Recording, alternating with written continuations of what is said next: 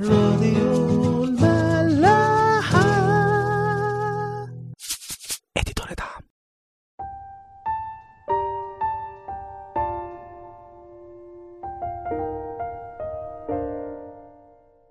أهلا بيكم في عيش وملح.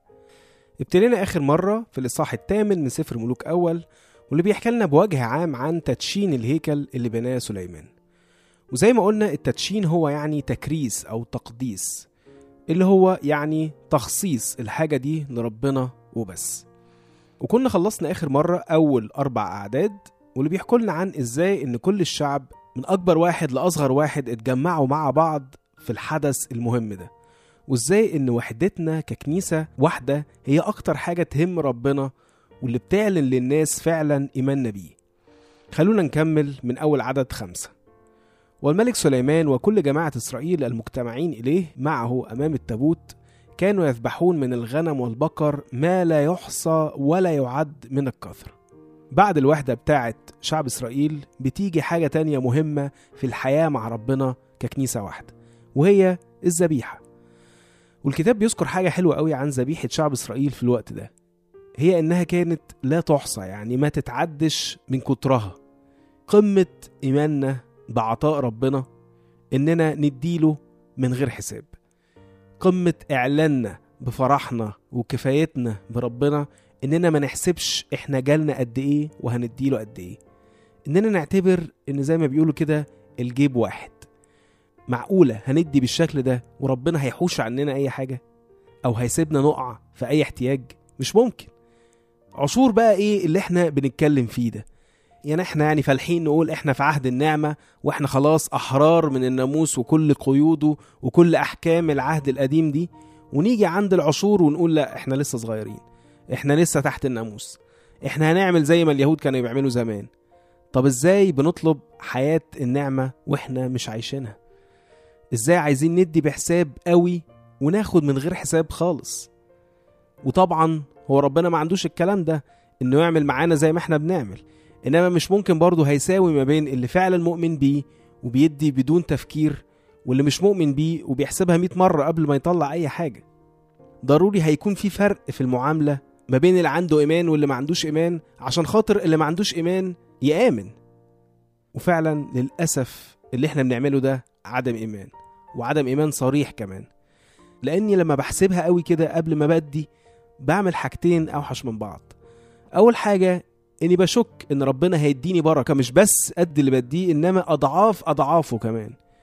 وتاني حاجة واللي أوحش منها للأسف كمان إني بخاف إن يوم ما أدي بالشكل ده يحصل لي أي حاجة فما لاقيش معايا وأحتاج. إزاي ممكن نفكر إن ربنا ضابط الكل هيحطنا في الموقف ده؟ ولا هو مش ضابط الكل أصلا؟ وعد صريح موجود ومش في إنجيل واحد لأ في ثلاث أناجيل متى 19 ومرقس 10 ولقى 18 هقرأ لكم من لقى 18 أعداد 28 ل 30 بيقول كده فقال بطرس ها نحن قد تركنا كل شيء وتبعناك. بيكلم المسيح يعني. فقال لهم اللي هو المسيح الحق أقول لكم إن ليس أحد ترك بيتا أو والدين أو إخوة أو امرأة أو أولادا من أجل ملكوت الله إلا ويأخذ في هذا الزمان اضعافا كثيرة. وفي الظهر الآتي الحياة الأبدية. في وعد أوضح من كده؟ يا جماعة بجد لازم كلنا وأنا أولكم طبعا نراجع نفسنا في موضوع العطاء والذبيحة ده عشان أكيد أكيد إحنا بنزعل ربنا كتير قوي من غير ما نحس بسبب الموضوع ده. والذبيحة دي مش بس في الفلوس إنما في خدمتنا وتسبيحنا وفي وقتنا وحتى حبنا لربنا وللناس اللي حوالينا. لازم نعمل كل ده بدون تردد ولا حساب. اوعوا حد يخاف إنه يعمل كده مع حد ما يستاهلش. حتى لو ده حقيقي هو مين فينا يستاهل يعني؟ مين فينا يستاهل أي حاجة بياخدها من ربنا؟ مين فينا يستاهل نقطة واحدة من دم المسيح؟ إنما ربنا علمنا ده على الصليب إنه إدى حياته لكل الناس حتى اللي بيصلبوا نفسهم. في رومية 5 8 بولس يقول كده ولكن الله بين محبته لنا لأنه ونحن بعد خطاه مات المسيح لأجلنا. ويا ريت محدش يقول لا ده المسيح وإحنا هنوصل للمسيح يعني. لا معلش هو المسيح جه وعاش حياتنا عشان نكون كلنا زيه. لا هو المفاجأة كمان بقى إننا نعمل حاجات أعظم منه كمان. وهو نفسه اللي بيقول كده في يوحنا 14 أعداد 12 ل 14 يقول كده الحق الحق أقول لكم من يؤمن بي فالأعمال التي أنا أعملها يعملها هو أيضا ويعمل أعظم منها لأني ماض إلى أبي. ومهما سألتم باسمي فذلك أفعله ليتمجد الآب بالابن. إن سألتم شيئا باسمي فإني أفعله. ما ينفعش نشك وما ينفعش نخاف. طالما بنحب وبندي باسم المسيح يبقى إحنا محميين فيه. من أي خديعة أو نصب أو حتى عدم استحقاق. كل دي مش مشكلتنا. وموعودين ببركاته. مية ضعف اللي بنديه. خلونا نكمل. من أعداد ستة لتسعة. وأدخل الكهنة تابوت عهد الرب إلى مكانه في محراب البيت في قدس الأقداس اللي تحت جناحي الكروبين لأن الكروبين بسط أجنحتهما على موضع التابوت. وظلل الكروبان التابوت وعصيه من فوق. وجذبوا العصي فتراءت رؤوس العصي من القدس أمام المحراب ولم ترى خارجا. وهي هناك إلى هذا اليوم.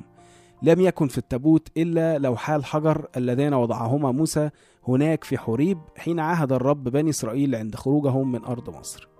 بيدخل الكهنة بعد كده تابوت العهد في المحراب أو قدس الأقداس اللي كان مجهزه سليمان عند الجناحين بتوع الكروبين الكبار اللي كانوا على الحيطة بتاعة المحراب ده. وبنلاحظ هنا ذكر واهتمام لحاجة غريبة أوي للعصي. العصي دي اللي كانت بيتشال بيها تابوت العهد. وده لو ركزنا فيه هيدينا انطباع مهم إن إزاي أي حاجة بتتلامس مع ربنا بتتقدس بيه زيه بالظبط. يقول لنا إن تابوت العهد كان بس جواه لوحين الحجر اللي كان فيهم الوصايا بتاعت ربنا أو كلمته. وكلمة ربنا زي ما إحنا عارفين هو المسيح لأن هو المسيح الله الكلمة. وهو المسيح هو اللي بيقدس هياكلنا أو قلوبنا المسيح الكلمة كلامه وصاياه أو الإنجيل كل ده واحد.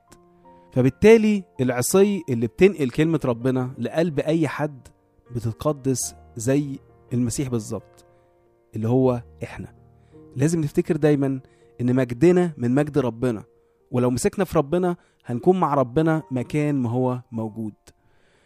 رؤيا يوحنا الإصحاح الثالث عدد 12 يقول كده من يغلب فسأجعله عمودا في هيكل إلهي ولا يعود يخرج إلى خارج وأكتب عليه اسم إلهي واسم مدينة إلهي أورشليم الجديدة النازلة من السماء من عند إلهي واسمي الجديد.